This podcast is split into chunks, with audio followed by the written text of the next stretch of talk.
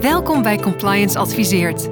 Met experts, adviseurs, bestuurders en de business bespreken we risk en compliance binnen de financiële wereld en alle uitdagingen en dilemma's die daarbij horen. Want voor het juiste en rechte pad bestaat geen navigatiesysteem.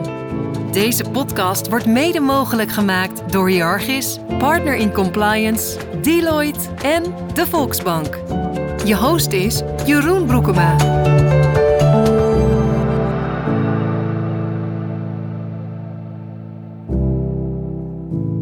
Welkom bij een nieuwe aflevering van Compliance Adviseert. Vandaag spreken we met Marit Jansen, senior toezichthouder WWFT bij Bureau Financieel Toezicht. En dat laatste, BFT, Bureau Financieel Toezicht, is dan ook het onderwerp van vandaag. Uh, welkom Marit. Dank.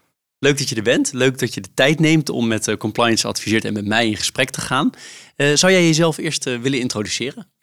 Nou, ik ben dus Marit Jansen. Ik ben sinds negen jaar werkzaam bij Bureau Financieel Toezicht als toezichthouder op de wet ter voorkoming van witwassen en financieren van terrorisme. Um, ik heb hiervoor uh, in de private sector fraudeonderzoeken gedaan en uh, ben opgeleid als criminoloog. En dus uh, eigenlijk van het kant van gedragswetenschapper in dit vak gerold met een enorme financiële bagage inmiddels. En werk voornamelijk samen met accountants en juristen op het vakgebied van de WWFT.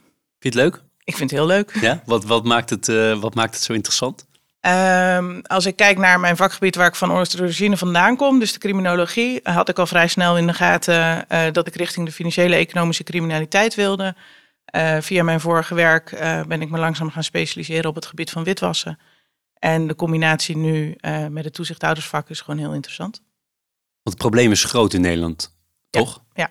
ja. Is dat ook wat jullie constant merken? Ja, er is uh, een heel groot uh, witwasprobleem eigenlijk in Nederland. Ik denk nog groter vaak dan uh, van de buitenwereld te zien is. En ja, er wordt steeds meer aandacht aan besteed, maar zeker op het gebied van bepaalde onder toezicht staande van ons in die sectoren kan er gewoon echt nog veel meer aandacht zijn, waardoor we met elkaar samen het probleem beter kunnen gaan oplossen. Ja, je hoort natuurlijk vanuit de financiële sector, in ieder geval vanuit mijn kant, kan ook aan mij liggen, hebben we het natuurlijk altijd over de toezichthouder, de Nederlandse bank. Maar bureau financieel toezicht, ik denk dat er best nog wel veel luisteraars zijn die niet precies weten wat jullie allemaal doen. In ieder geval, ik zou het veel beter willen, willen, leren, uh, willen leren van wat, wat BFT uh, waar het voor staat en wie er allemaal onder, uh, onder vallen. Hoeveel mensen jullie zijn. Misschien kan je wat, wat daar eens wat over, over zeggen. Nou, wij zijn, Bureau Financieel Toezicht heeft 53 FTE op het moment. En dat is verdeeld over 57 medewerkers. die zitten op twee toezichtsafdelingen een afdeling juridische zaken handhaving en de bedrijfsvoering. En als we ons specialiseren op de toezichtsafdelingen, dan houden wij toezicht op, twee, op drie verschillende wetten. Dus dat is enerzijds de wet ter voorkoming van witwassen en financieren van terrorisme. En daarnaast hebben we de toezichtsafdeling notariaat gerechtsdeurwaarders. En daar houden we toezicht op de wet op het notarisambt en de deurwaarderswet. En als je bekijkt voor uh, de notarissen en de gerechtsdeurwaarders, hebben we ongeveer 3500 notarissen, toegevoegd notarissen en kandidaat-notarissen onder ons toezicht. Verdeeld over ongeveer uh, ja, 700, 700, 800 kantoren. Uh, voor de gerechtsdeurwaarders hebben we 630 bevoegd, ambtelijk bevoegde gerechtsdeurwaarders, verdeeld over 138 kantoren. Dat zit bij de ene toezichtsafdeling en de andere toezichtsafdeling. Daar vallen ongeveer 50.000 WWFT onder toezicht staande onder. Dat is een heel interessant getal, hè, die 50.000, want dat is ongelooflijk veel. Ja. Hoe, hoe hou je daar überhaupt toezicht op, op zoveel partijen? Nou, we hebben uh, vrij veel verschillende partijen. Ze noemen ze ook de vrije beroepsbeoefenaren. Om even aan te geven wie vallen daar nou onder. Nou, daar vallen ook dus de notarissen onder voor de, voor de WWFT. Uh, eh, we hebben belastingadviseurs, administratiekantoren, accountants en overige juridische, juridische dienstverleners, niet zijnde de advocaten. Nou, die enige hele grote groep, uh, die proberen wij zo goed mogelijk toezicht op te houden door dat echt risicogebaseerd te doen. Het is met onze capaciteit niet mogelijk om te zeggen, wij gaan ze jaarlijks, tweejaarlijks, driejaarlijks, al deze 50.000 onder toezicht staan, gaan we bezoeken. Dus dat doen we het liefst, doen we dat risicogericht. Uh, en uh, ja, op het moment dat wij ergens komen, dan hebben wij het idee dat daar het grootste risico zit bij ons onder toezicht staan. En hebben jullie ook bepaalde focussen dat je zegt, de eh, het komende jaar of jaren richten we ons met name op die groep of die subsector van die groep? Um, wij hebben, we werken ook met thema's. En dat kan dus zijn dat we thema's pakken op bepaalde onderwerpen. Maar het kan ook zijn dat we thema's pakken op bepaalde uh, groepen uh, of bepaalde doelgroepen daarin. Ja. ja. En hoe ziet jullie stakeholder-landschap er ongeveer uit? Met wie werken jullie allemaal samen? Uh, als we kijken op basis van waar de signalen vandaan komen die wij gebruiken voor onze onderzoeken, dan is dat heel breed. Dus dat kan zijn Openbaar Ministerie, uh, de politie, uh, de RIEX. we kunnen het uit de media hebben, meldmisdaad anoniem, burgers, medetoezichthouders. Eigenlijk het hele spectrum moet je aan. Ja, en die laatste, dat is een mooi bruggetje, want ik wilde je vragen, eh, mede-toezichthouders, hoe, hoe werken jullie samen met die andere toezichthouders? Want het is natuurlijk best wel interessant. En zeker, je noemde de accountants bijvoorbeeld. Dan denk ik ook, oh, dat is AFM, weet je wel? Dus waar, waar ligt de grens precies voor, de, voor dit soort dingen? Uh, als je kijkt naar uh, het WWFT-toezicht, daar heb je een aantal verschillende toezichthouders op. Dus daar heb je DNB voor de uh, banken, je hebt de AFM voor de beleggingsinstanties, KSA voor de kansspel en wij zijn daar voor de vrije beroepsbeoefenaren. Dus uh, het WWFT-toezicht voor de accountants zit bij ons. Het andere toezicht voor de accountants zit bij de AFM. Daar zit het verschil in. Uh, hoe, hoe werken wij samen? Is, er is sowieso uh, een WWFT-toezichthoudersoverleg. Waar we structureel met elkaar aan tafel zitten en de zaken bespreken die alle toezichthouders aangaan. En verder is het afhankelijk van waar je mee bezig bent, waar je met elkaar samenwerkt. En bijvoorbeeld met de AFM werken wij op dit moment samen aan een project uh, over de SIRA, waar dus de AFM zijn SIRA-uitvraag doet en waar wij uh, kijken naar het risico en het risicobeleid en risicomanagement op grond van de WWFT. Dus ja, er wordt samengewerkt. Ja, nee, helder. En toch nog even over die 50.000, want dat vind ik zo'n intrigerend groot getal. Zeker als je het afzet tegen 50 medewerkers, uh, is het nou ja, 1000 per, per persoon als je het zo, zo zou bekijken. Een beetje grof, want het zit ook op andere onderdelen, legt hij eerder uit. Maar toch, hoe, hoe ver weet deze groep dat soort poortwachter zijn? Om maar eens even de hele basale vraag te stellen. Ja, dat scheelt echt per uh, groep die, zeg maar per onderdeel van de groep. Uh, zoals ik zei, van we hebben dus de notarissen en de accountants. Die hebben allemaal een beroepsopleiding gevolgd uh, om het vak zelfstandig uit te kunnen oefenen. Het jammere daaraan is nog steeds dat de WWFT daar geen prominent onderdeel van uitmaakt. Um, als je dan kijkt naar de uh, belastingadviseurs, daar is een groot deel van is georganiseerd uh, in brancheorganisaties. Maar als je dan kijkt naar de grote groep administratiekantoren, uh, ja, daar weet niet iedereen van dat ze poortwachters zijn. Weet helaas ook nog steeds niet iedereen van dat ze onder de WWFT vallen. En al helemaal niet wie het Bureau Financieel Toezicht is. Nee, wat kan je daar tegen doen? Ik neem aan dat het wel jullie wens is dat iedereen weet dat ze dit zijn, dat dit een plicht is en dat je ook gewoon in de problemen kan komen, om maar even simpel te zeggen. Zeker, en daar hebben we de afgelopen jaren ook heel veel aandacht aan besteed. We hebben in badges bijvoorbeeld uh, regionaal uh, alle administratiekantoren uh, informatie verzonden over ons, over BFT, over de WWFT. Um, een deel daarvan heeft ook een online survey moeten invullen over de WWFT en wat zij er zelf mee doen. Uh, en daar weer een deel van is bezocht. Dat hebben we meerdere malen in verschillende regio's gedaan. Uh, administratiekantoren die zich nu opnieuw inschrijven bij de Kamer van Koophandel of nieuwe kantoren, die krijgen daarbij al informatie over de WWFT. We proberen zoveel mogelijk naar buiten te treden met, ja, dit zijn we, hier moet je je aan houden. en hierin proberen wij te ondersteunen, zoals dus een, een podcast zoals dit.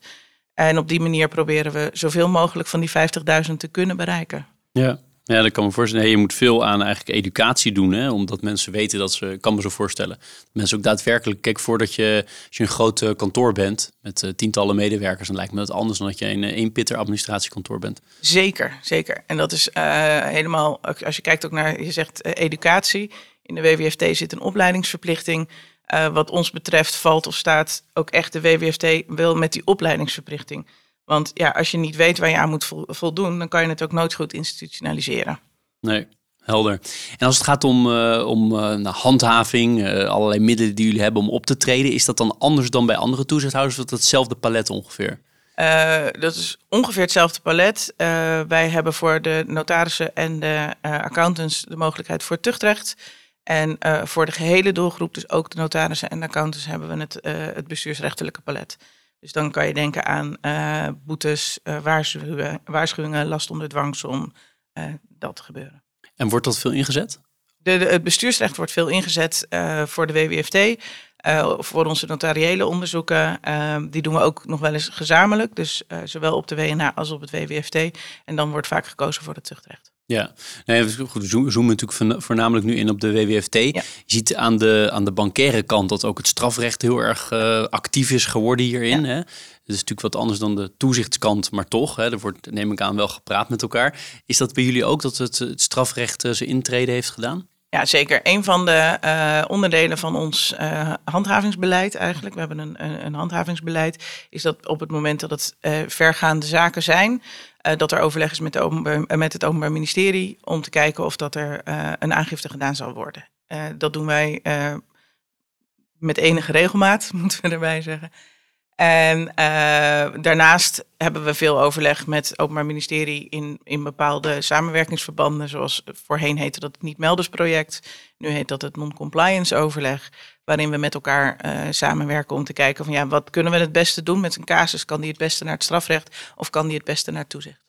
En daar zie je dezelfde trend als aan de bankaire kant, dat dat echt is toegenomen, ook in de afgelopen jaren of het afgelopen decennium. Uh, er is meer aandacht in het strafrecht voor de WWFT. Dus uh, er is ook steeds meer uh, vanuit officieren wordt er gekeken naar restinformatie. wat kunnen we daarmee op het moment dat een, een, een witwas verdenking niet hard kan worden gemaakt, wordt er, als, wordt er nu inmiddels gekeken naar kunnen we dan mogelijk wel richting niet melden van een, van een ongebruikelijke transactie. Dus je ziet wel dat ook aan die kant er gewoon steeds meer aandacht aangekomen is en dat daardoor ook de toezichthouders meer op de lijn zijn gekomen. Ja, helder. En wat ik ook nieuwsgierig naar ben, is een, een andere trend. Dat ik ken die bankaire kant veel beter dan, dan hè, deze kant van de vrije beroepsbeoefenaars. Je ziet aan de bankaire kant ook een enorme toename in het aantal mensen dat hiermee bezig is. Ik geloof dat er circa, de schattingen zijn, uh, lopen uiteen, maar ik geloof 13.000 mensen of zo bij de banken nu mee bezig zijn. Zie je dat hier ook? Kijk, ik kan voorstellen als je een eenpitter bent, dat je niet een tweede meneer of mevrouw ernaast gaat zitten, maar de wat grotere kantoren, dat die ook meer FTE of deeltijd uh, mensen hier aan, uh, ja, aan, aan zeg maar toewijzen om, dit, uh, om hierop te focussen? Ja, er zit een heel groot verschil in grootte van het kantoor. Zoals ik net ook al aangaf, hadden wij, wij een hele diverse uh, groep aan onder toezicht. Dus wij kijken naar Zuidas-kantoren, maar wij kijken inderdaad ook naar eenpitters die hun werkzaamheden aan de keukentafel doen. daar zit dus ook een verschil in dit soort dingen in. In de WWFT zit een audit- en compliance verplichting. Daar hebben de gezamenlijke WWFT-toezichthouders van gezegd, nou, die is, uh, daar moet je aan voldoen als je meer dan 50 FTE hebt of 75% van je klanten moet een hoog risico hebben. Uh, dus daardoor zie je dat bij de grotere kantoren uh, dat al meer geïnstitutionaliseerd is. Bij de kleine kantoren ligt de poortwachtersrol vaak onder verantwoordelijkheid van de uitvoerders. En die moeten het er eigenlijk bij pakken. het verschil met de banken is, de banken, wat je, wat je zegt, hebben inmiddels echt van die specialistische afdelingen. En die zie je bij ons dus minder. Dus de banken hebben meer kennis en tools voor het uitvoeren van de werkzaamheden. En ja, de kleinere kantoren moeten gewoon echt het wiel vaak zelf uitvinden. Het is dus meer maatwerk. Uh, en omdat ook wat zij zien heel erg afhankelijk is van de dienstverlening die zij doen. Een accountant uh, die controlewerkzaamheden doet, ziet andere dingen dan een administratiekantoor die de administratie daadwerkelijk invoert. Ja, een van de kernonderdelen van de WWFT is natuurlijk de plicht dat je moet melden als je ongebruikelijke uh, zaken ziet, ongebruikte transacties of anderszins. Uh, zie je nu dat het aantal meldingen ook heel erg toeneemt in jouw, uh, in jouw onder toezicht staande groep? het aantal meldingen neemt zeker wel toe. het is nog niet op het op, vlak waar we het zouden willen zien. En wat wij ook zeggen van het aantal meldingen, dat zegt uiteindelijk niet zo heel veel. Het gaat ook om de kwaliteit van de meldingen die worden gedaan. En daar focussen wij in onze, in onze toezichtsonderzoeken ook op van uh, ja, wat is er gemeld? Uh, als er gemeld is, is het op tijd gemeld en is het inhoudelijk goed genoeg dat de opsporing daar uiteindelijk mee verder kan? Want dat is natuurlijk wel het doel. Ja, Nee, dat is, dat, dat is zeker het doel. Maar die kwaliteit, ja, het zal ook wel een beetje met kwantiteit te maken hebben. Dat je toch het gewoner wordt om steeds maar weer meldingen te doen dan zul je vanzelf ook wel meldingen hebben die van hoge kwaliteit uh, zijn. Ja, of is dat niet zo? Nou, daar zit een beetje het verschil in in de bankaire sector. In de bankaire sector wordt heel veel gemeld op basis van de objectieve indicator. In onze groep onder toezicht staande is het hoofdzakelijk de subjectieve indicator.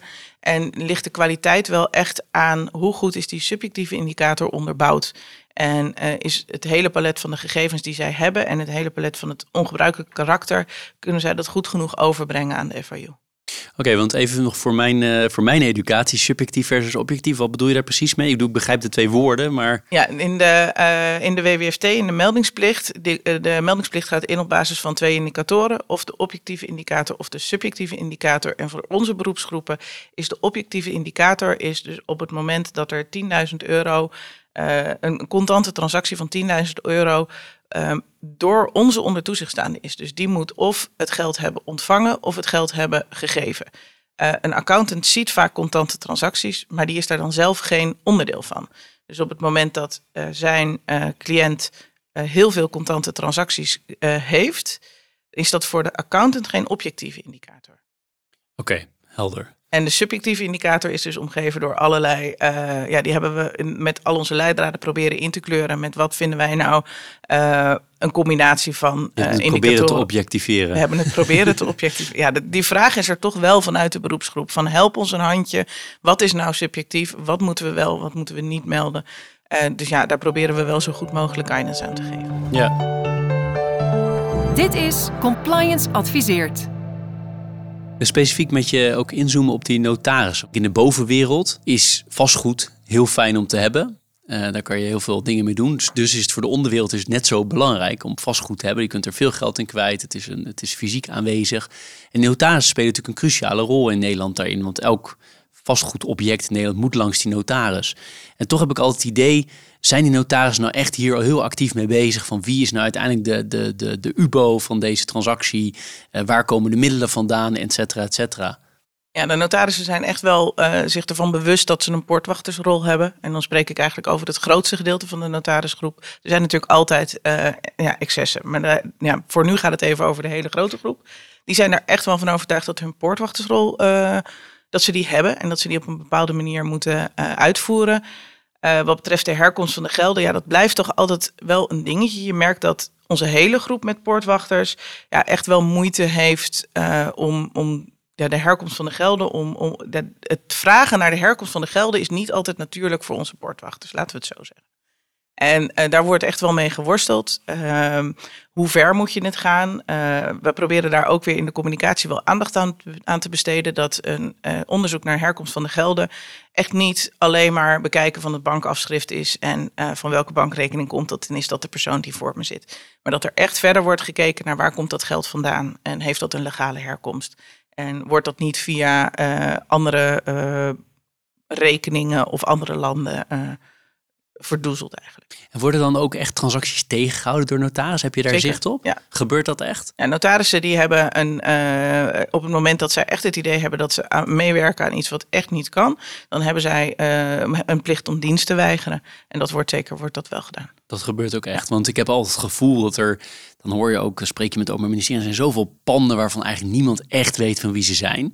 En dat er zoveel, on, nou, zo'n enorme kerstboom aan ondoorzichtige structuren op allerlei rare plekken in de wereld, BV's op BV op BV worden gestapeld uh, om echt totaal de U-boot te, nou ja, te verduisteren, zeg maar heb ik altijd het gevoel dat dat gewoon nog steeds heel goed kan in Nederland. Maar misschien is even voor de, voor de discussie hoor. Het lastige voor dit soort zaken is dat op het moment dat ze bij een notaris aan tafel zitten en zij krijgen van die notaris, ja sorry, ik ga dit niet passeren, uh, want uh, dit en dit en dit uh, krijg ik geen goed antwoord op. dan heeft die notaris op dat moment supportwachtersrol heel goed vervuld.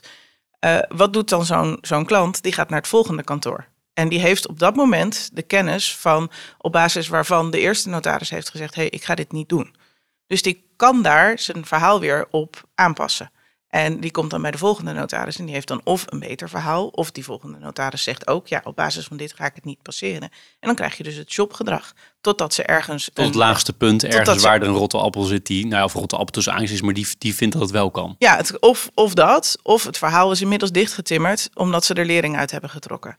Dus die twee kanten kant op. Dus zo gaan uiteindelijk, ja, gaan ze dus door en komen ze ergens waar ze mogen. Hoe ga je dat voorkomen? Want ik zie bij de banken, om die maar weer aan te halen, zie ik dat ze nu transactiemonitoring Nederland proberen ze dat wat gezamenlijk op te treden. Ja. dat is nog omgeven met allerlei vragen of het gaat, gaat vliegen. Uh, maar zou dat hier niet ook moeten gebeuren dan? Dat er een soort van gezamenlijk register moet komen of, of anderszins? Ja, de transactiemonitoring die ze bij de banken natuurlijk doen, dat is uh, met de banken ook in samenwerking. Uh, ik weet, ik heb ook wel gesprekken gevoerd met notarissen die ook wel zeggen, ja, we zouden graag dat soort informatie uh, willen delen. Maar anderzijds speelde bij notarissen ook gewoon het geheim, de geheimhouding. En op het moment dat zij zo'n beslissing maken, dan zit dat onder hun geheimhouding. Dus dat is in het notarisveld altijd lastig. lastig. Ja. ja. ja. Ja, want hoe ga je dat dan ooit dichten dat ze dat shopgedrag, zoals jij het noemt, niet gaan doen? Ja, dat is eh, heel veel aandacht besteden aan eh, de poortwachtersrol van de notaris. En echt benadrukken wat wordt van je verwacht.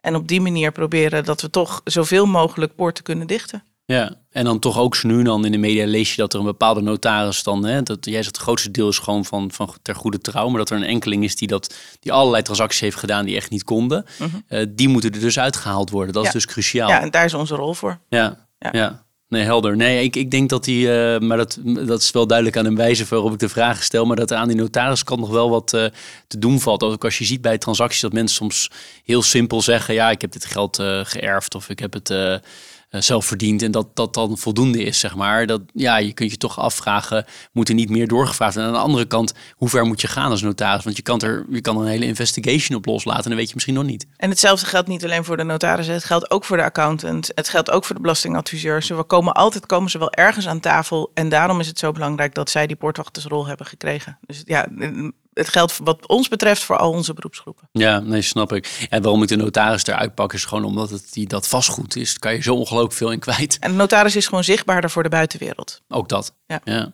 ja. Wat, wat, zie, wat zien jullie allemaal? Ja, je wil ongetwijfeld niet alles delen, maar wat, wat zie je aan wat ze vaak fenomenen noemen?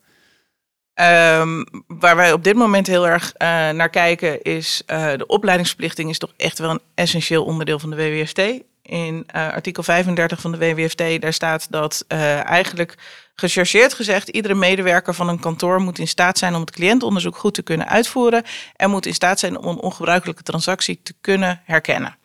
Uh, zoals ik al eerder zei, als je niet weet wat je moet zien, dan, dan zie je het dus niet. Uh, wij zien dus ook op het moment dat wij bij uh, kantoren bepaalde uitvragen doen, dat de kantoren die de opleidingsverplichting goed hebben nageleefd, dat die over het algemeen de andere zaken ook beter naleven. Uh, we hebben afgelopen jaar en vorig jaar hebben wij een themaonderzoek gedraaid op het risicobeleid en het risicomanagement bij onze ondertoezichtstaanden. Dan hebben wij dus een grote uitvraag gedaan bij verschillende kantoren uh, van doe ons je beleid. En dat hebben we dus nagekeken uh, en ook feedback op teruggegeven. Op het moment dat het niet voldeed, kregen ze van ons ook een hersteltermijn. Uh, en uiteindelijk met het doel dat het allemaal op papier in ieder geval opzet voldeed. Ehm, dat de uitkomsten daarvan gecombineerd met de uitkomsten van onze onderzoeken, ja, blijkt toch eigenlijk wel dat bij ongeveer de helft van de kantoren die wij bezocht hebben, dat of het risicobeleid en risicomanagement niet voldoet, of nog voor verbetering vatbaar was. En ja, dat vonden wij best wel een, een schokkende constatering omdat ja, het risicobeleid is, de risico-inschatting van jouw klanten is echt de basis van de WWFT. Dus op het moment dat je dat niet goed op orde hebt uh, en niet goed in kan schatten wat het risico is van jouw klanten, dan kan je dat, dat risico ook niet goed genoeg mitigeren. Um, en in koppeling met het, waar ik mee begon met de opleidingsverplichting, zien wij dus dat op het moment dat de opleidingsverplichting goed is nageleefd, uh, vaker ook het risicobeleid en het risicomanagement goed in elkaar zit. Ja, want dan heb je het nog over het risicobeleid zoals ze het hebben opgeschreven. Ja, of ook hoe ja ze nee, doen. Dit, nee, dit is de opzet. Het dit was alleen in de Vervolgens opzet. moet je nog implementeren en daadwerkelijk naleven. Ja. Dat is ook nog wel.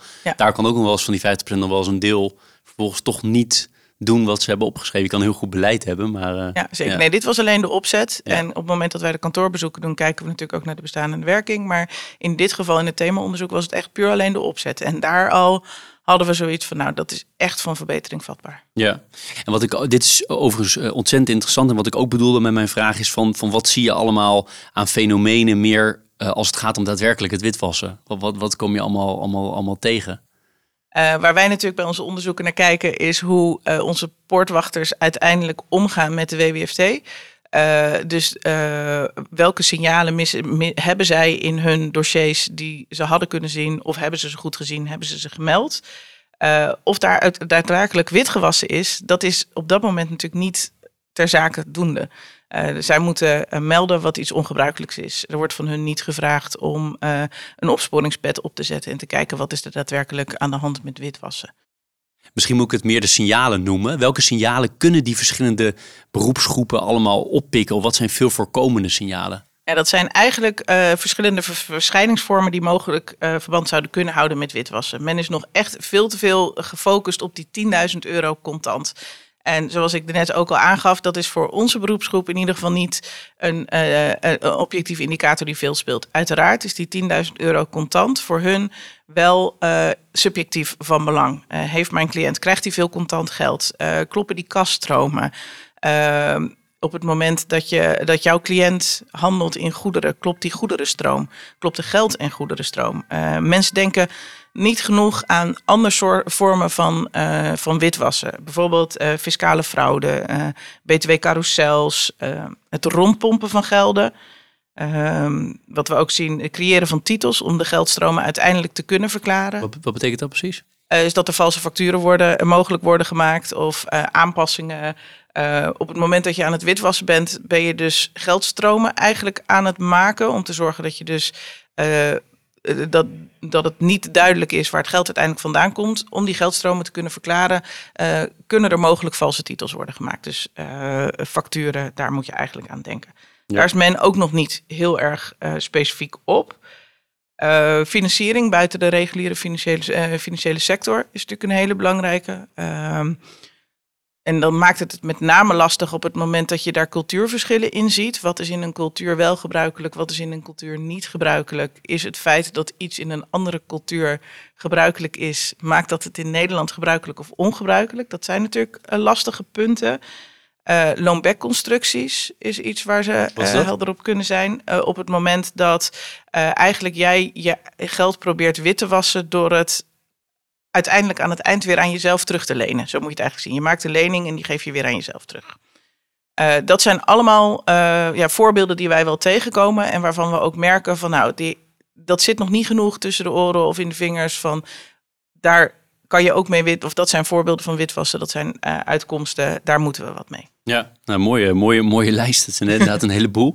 En uh, dat cash, we hadden het in het voorgesprek kort over cash. Hè. Spelen bij veel van deze dingen uh, cash nog een, uh, een, grote rol? Dat ligt eraan wat de beroepsgroep is van de klant van onze ondertoezichtstaande. Ehm, in Nederland wordt steeds minder cash gebruikt. Ik had laatst ook een gesprek met iemand die ook zei van ja, autosector, daar wordt ook steeds minder cash in gebruikt. Terwijl wij toch echt nog wel heel vaak terug horen bij administratiekantoren. Ja, maar het is een autohandelaar en daar is het normaal dat er met cash wordt gewerkt. Nou, er zijn inmiddels benchmarks voor dat echt maar een, bepaald klein percentage van uh, de autohandelaren veel in cash doet. Uh, dus het is echt een beetje afhankelijk van welke klant zit er. En eh, is het bij die klant verklaarbaar dat er veel cash is? Ja.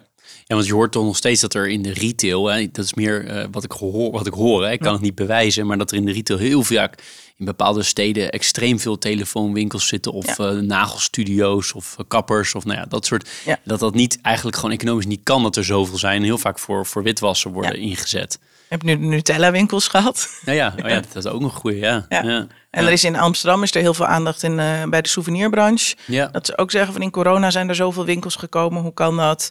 En dat zijn allemaal sectoren op het moment dat wij die tegenkomen in onze onderzoeken, bij ons onder toezicht staan. Dan zeggen we ook van nou kijk, dit is dus een sector waar een hoger risico is, op is. Maar dan kan het dus ook zo zijn op het moment dat zij dus die administratie doen.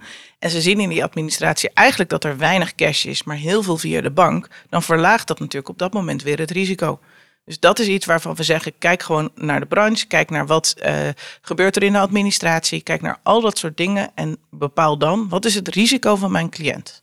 Ja, en zou het niet mooi zijn als er nog meer samengewerkt wordt met die transacties die via de banken lopen? Want ik denk, ook heel veel van dit soort kantoren hebben gewoon wel een administratie. Misschien een deel valt buiten de legale administratie en een deel -hmm. of, of helemaal erin, I don't know. Maar je ziet het natuurlijk ook vaak weer terug in de bank. En als dat gecombineerd wordt, of zeg je nee, dat, dat is echt aan waar de, nou ja, aan de FIU om dat te gaan combineren? Uh, ik denk dat uh, het lastige is om echt de banken met onze sector te combineren, uh, omdat je dan over een hoeveelheid van transacties hebt. De banken hebben natuurlijk heel veel transacties. Dus daar is wel echt de rol voor de ongebruikelijke transacties en de FIU voor om dat te combineren en te kijken, zijn deze ongebruikelijke transacties, uh, zijn die uh, verdacht? Dat is natuurlijk uiteindelijk het systeem. Uh, mensen melden ongebruikelijke transacties. De FIU die gaat kijken, uh, heb ik iets op deze subjecten? Uh, is er meer van bekend? Lopen er opsporingsonderzoeken? Op het moment dat ja, in die combinatie het voor hun interessant is, maken zij, verklaren zij het verdacht. En op het moment dat het verdacht verklaard is, komt het bij de opsporing terecht. Ik denk dat het heel belangrijk is dat dat, dat bij hun blijft. En dat iedereen vanuit zijn eigen optiek blijft kijken van wat is vanuit mijn perspectief, vanuit mijn zicht, ongebruikelijk. Want iets wat een bank ziet, hoeft voor onze ondertoezichtstaanders nog niet ongebruikelijk te zijn. Of heeft daar geen zicht op. Je luistert naar Compliance Adviseert. Je noemde eerder in dit gesprek uh, dat er een risk-based approach, hè, dat dat heel belangrijk is omdat de mhm. aantallen zo groot zijn. Het zijn er zoveel. En zowel vanuit jullie als toezichthouder zul je toch risk-based moeten werken, want je kan ze niet allemaal checken, dus je moet keuzes maken. Maar ook uh, voor deze onder toezicht staande uh, organisaties zelf, die moeten ook met zo'n risk-based approach werken, vaak zoveel, dus kunnen niet naar alles kijken waarschijnlijk. Heb je daar voorbeelden van, hoe, hoe jullie dat doen of hoe die organisaties, beide vind ik interessant, of die organisaties die onder toezicht staan, hoe ze dat aanpakken? Ja, als we beginnen bij de organisaties die onder ons toezicht staan, uh, die hebben in de WWFT de verplichting om dus een risicobeleid en risicomanagement opschrift te hebben. Uh, is natuurlijk afhankelijk van de grootte van de organisatie, hoe uitgebreid dat is. Er zitten eigenlijk de verplichting in dat alle delen van de WWFT, daar moeten zij eens op beschreven hebben. Dus hoe doe je je cliëntenonderzoek? Hoe doe je je uh, meldingsplicht? Uh, hoe doe je je opleiding? Dat is dan beschreven. En in dat hele stuk wordt ook beschreven wat is de risk appetite van, van het kantoor. Wat willen we wel, wat willen we niet. Uh, hoe klassificeren we onze cliënten? Pakken we een laag, een midden of een hoog risico? En op het moment dat mijn cliënt hoog risico is, wat doe ik daar dan voor om dat risico te mitigeren? En welke aspecten uh, van mijn cliënt maken dat het een hoog risico is. Dat is vaak is dat branche, uh, geografisch, maar ook dingen die zij tijdens hun werkzaamheden tegenkomen. Ze moeten ook tijdens hun werkzaamheden die cliënt blijven monitoren om te kijken of dat het risicoprofiel wat zij hebben vastgelegd, of dat dat nog steeds juist is.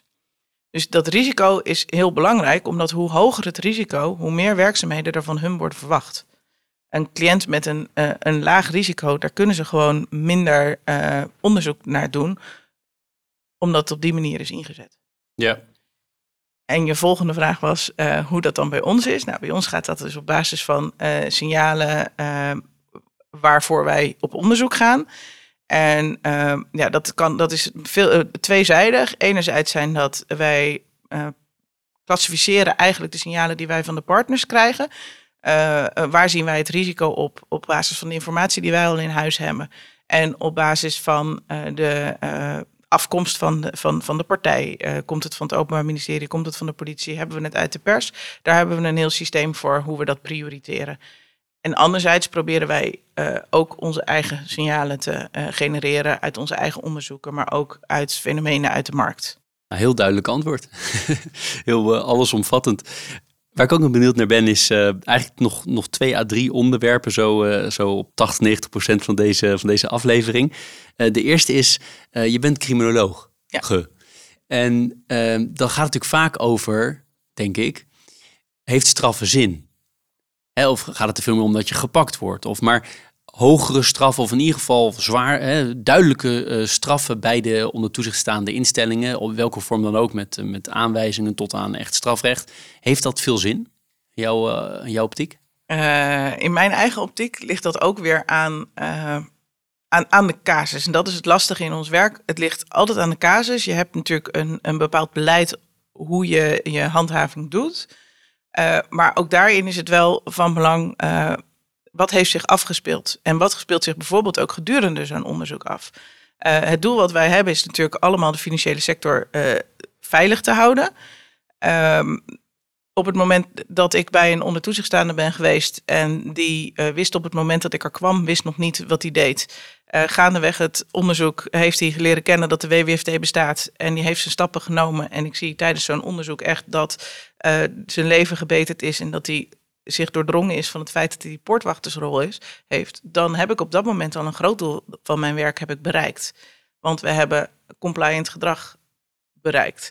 Dat is anders dan op het moment dat ik bij een onderzoeker of bij een onderzoek zit en uh, iemand die zegt van ja, maar de WWFT, ja, nee, ik heb daar helemaal niks mee, ik ga er ook niks in doen. Je kan zeggen wat je wil, uh, je kan er een boete op zetten wat je wil, maar hier ga ik niks mee doen.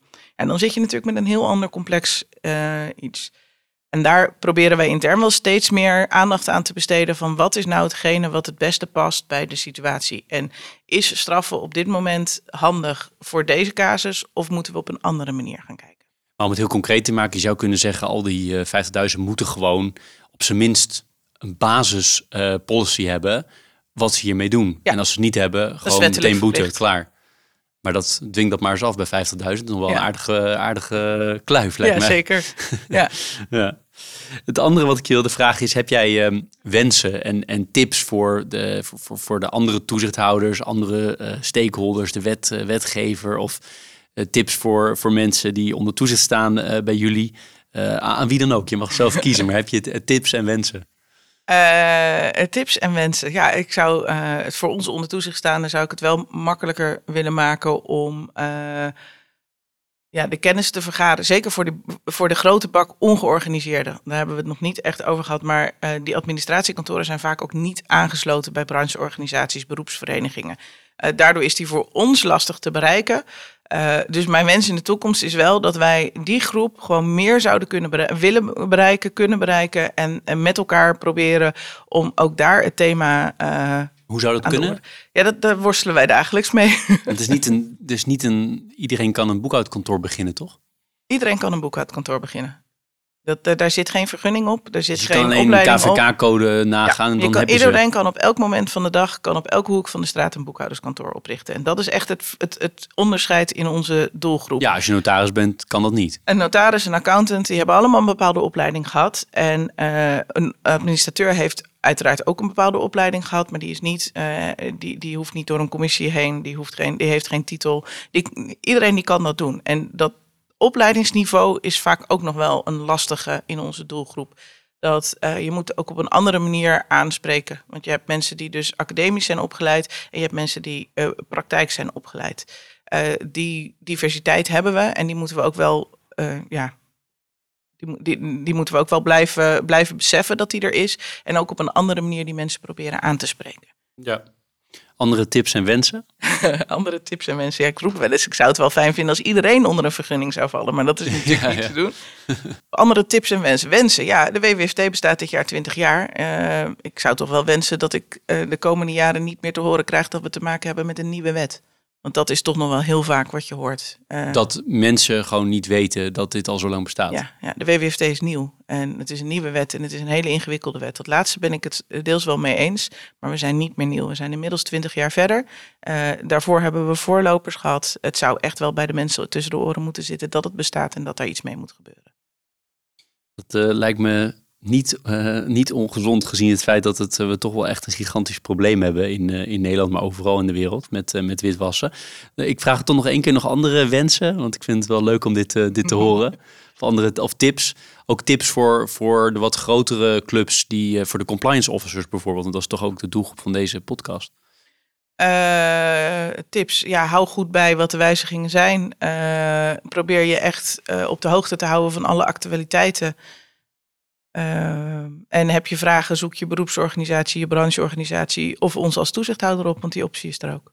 Mooi. Tot slot, je, bent, uh, je zit al, al een geruime tijd bij uh, Bureau Financieel Toezicht. Je hebt criminologie gestudeerd. Gaan we dit probleem ja, helemaal oplossen? Natuurlijk nooit, dat weet iedereen. Dat gaat niet werken. Maar gaan we er echt slagen in maken de komende, de komende jaren, nu er zoveel extra aandacht voor is dan dat er was in het verleden? Dat hoop ik wel. Ja. Maar denk je het ook?